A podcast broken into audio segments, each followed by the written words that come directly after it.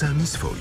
O mniejszościach dla mniejszości. Доброго вечора. Перед мікрофоном Софія Баянова. А в ефірі радіопередача Самі свої про все, чим живе українська спільнота в Нижній Сілезії. Сподіваюсь, що настрій наших слухачів святков. У сьогоднішньому випуску я підготувала тільки позитивні новини і постараюсь, як співає навка, стати святим Миколаєм. Я навка, м, навка, я сію позитив, знайте, зі мною давайте Різдво зустрічайте. То є диво, справжнє диво, коли падає зоря мерехтлива, коли поруч кохана людина, то є диво, справжнє диво, то є свято, справжнє свято,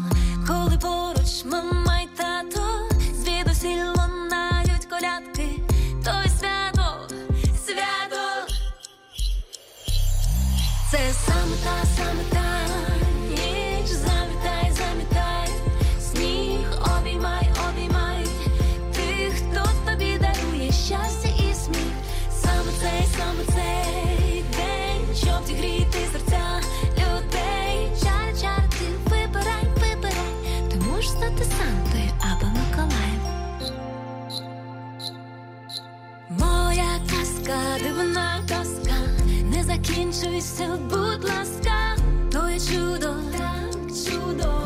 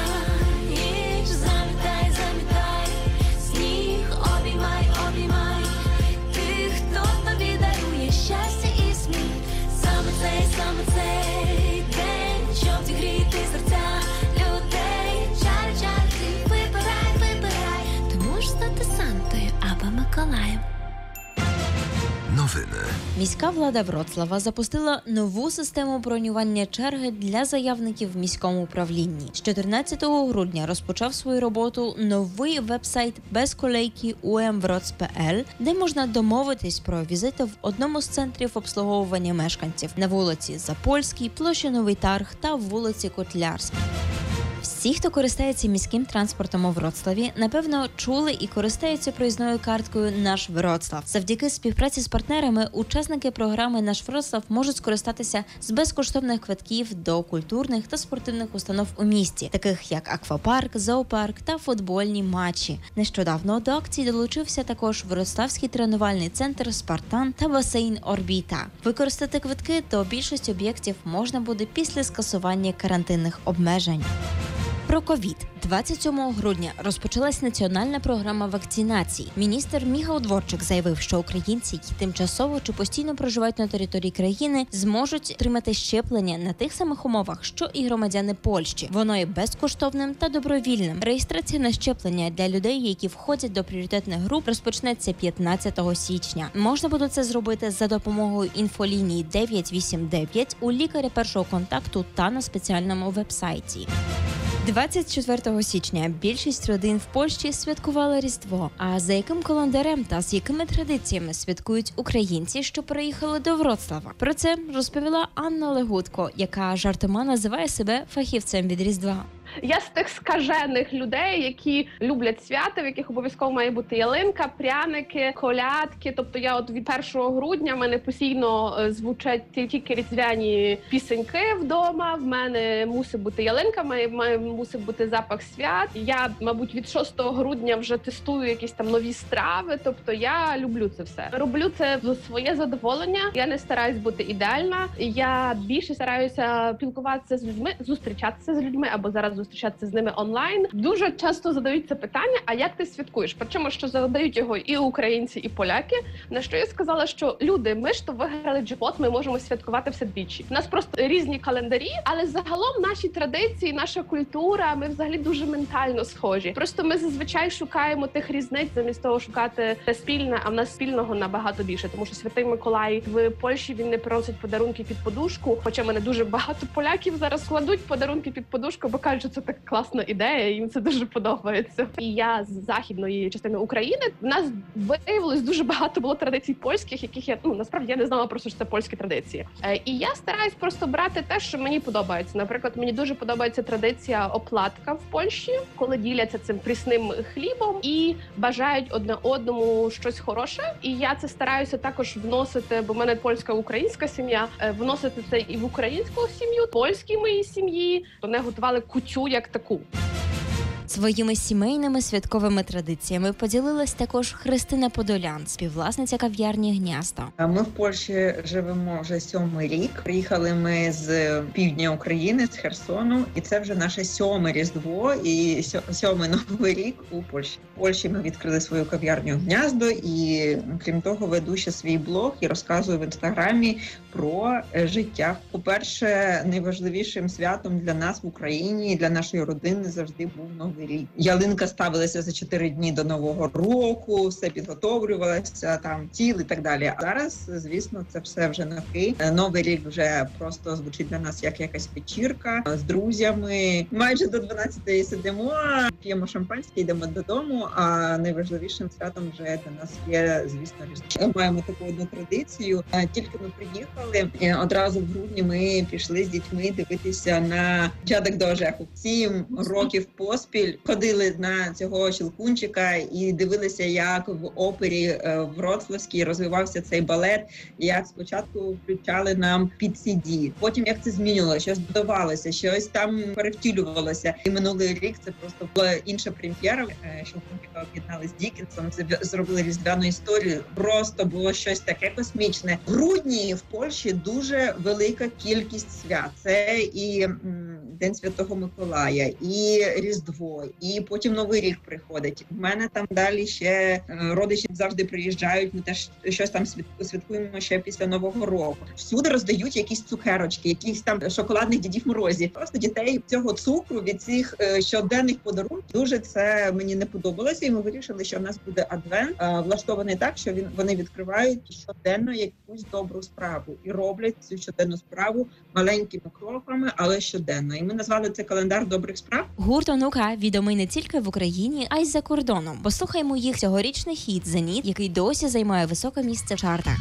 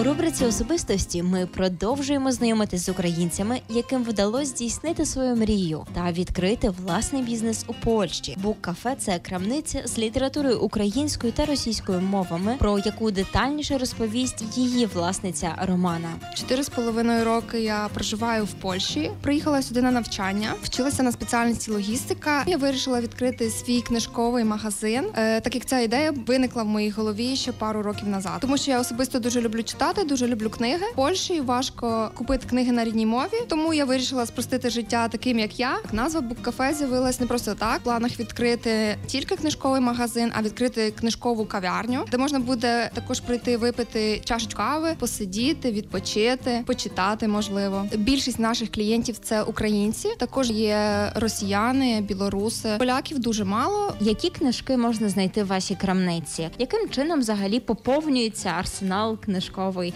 вашої крамниці? В нашому книжковому магазині є література як для дорослих, так і для дітей. 80% е, наших клієнтів це студенти, тому найбільш популярнішою серед них е, є мотивуюча література і бізнес-книги. Сценарний магазин ми відкрили тільки два місяці назад. Тому, перш за все, завезли саму популярну літературу, яка зараз тішиться попитом. На даний момент літературу українську завозимо тільки під замовлення клієнта. Але після нового року ми також починаємо співпрацювати з українськими видавництвами, і е, книги на українській мові також з'являться у нас. Також плануємо завозити настольні ігри. У нас є картини по номеркам. Розкажіть, будь ласка, наскільки було трудно чи легко е, закласти тут бізнес? Найбільшою е, проблемою для мене це було отримання карти побиту. Бо без карти побиту, якби можливо закласти свій бізнес, але це набагато важче. Це одна з найголовніших проблем, з якою я е, зустрілась. Я знала, де можна замовляти книги. Я знала, які книги тішаться попитом, тому в мене не, не виникало більше ніяк великих проблем. Але я бажаю рухатись вперед, не дивлячись ні на що, е, бо тільки цілеспрямованих, напористих і сильних духом людей чекає успіх. Промова це україномовний клуб Toastmasters у Вроцлаві, що діє вже понад рік. Про те, чому варто розвивати свою солов'їну мову та впевненість у собі, розповідають представники клубу, діючий президент клубу Максим Коліков та представники управління клубу Діана Янюк та Христина Солтус.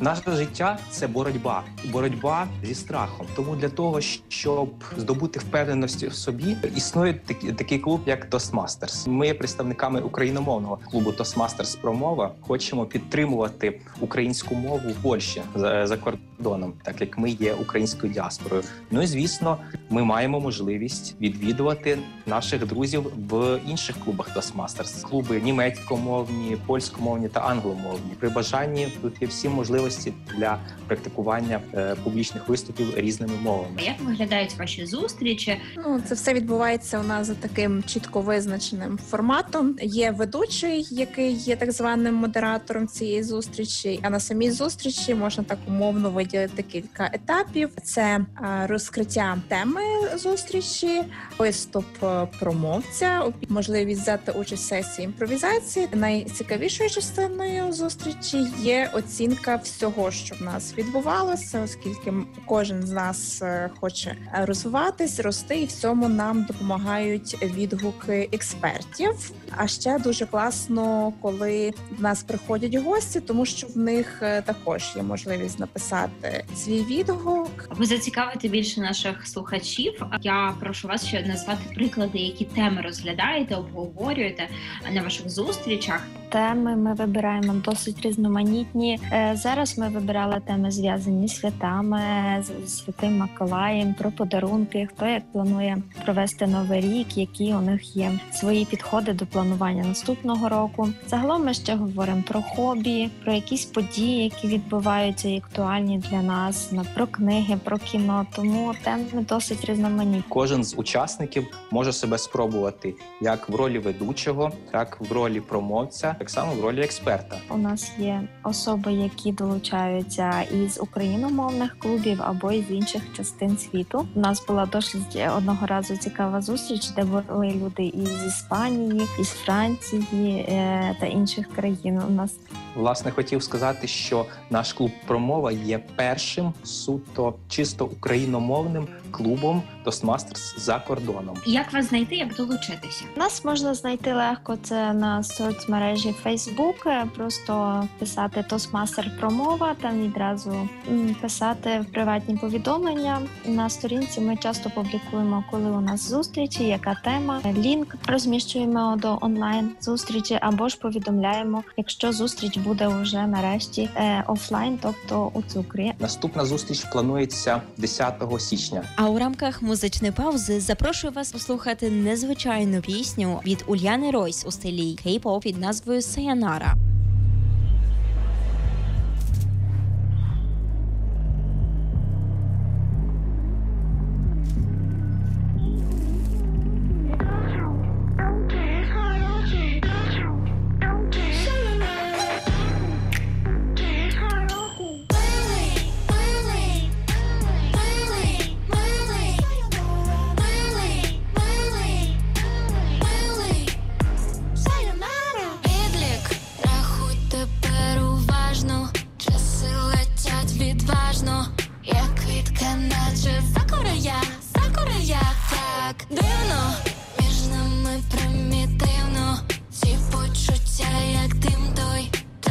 Токсично сильні, то не моє, то не моє, ай, ти тікай, ти тікай, ти мій милий,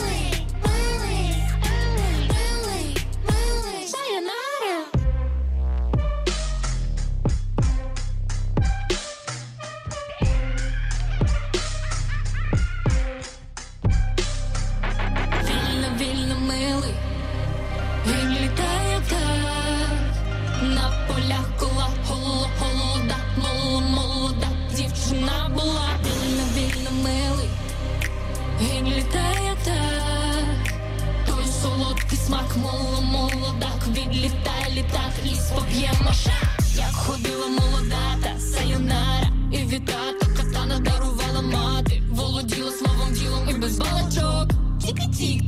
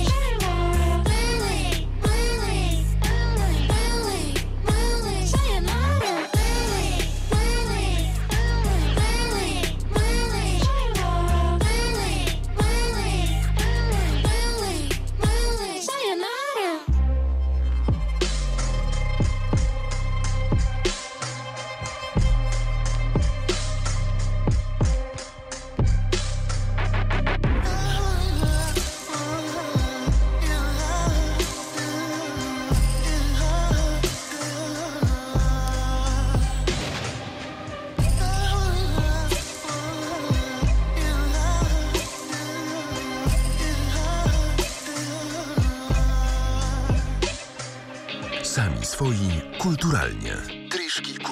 Прощатися з 2020 роком і зустрічати новий цього разу будемо вдома. На ринку у Вроцлаві не відбудеться традиційний концерт. Проте місто запрошує на найбільшу домашню вечірку, тобто новий рік онлайн. На сторінках Вроцлав та Візит Вроцлав на Фейсбуці можна буде долучитись до спільного святкування поляків та іноземців. В програмі добра музика, танці, конкурси з подарунками і все це в компанії вроцлавських артистів та блогерів. Початок о 20.00. Бібліотечно-культурний центр ФАМА у співпраці з фондом Калейдоскоп культур запрошує на міжкультурне святкування нового року. У рамках святкової програми заплановано концерт Данни Виницької разом з гуртом співоча банда з Вроцлава, виступи львівського кабаре та багато інших цікавинок, які будуть представлені 31 грудня о 12 годині на сторінках організаторів на Фейсбуці та Ютубі.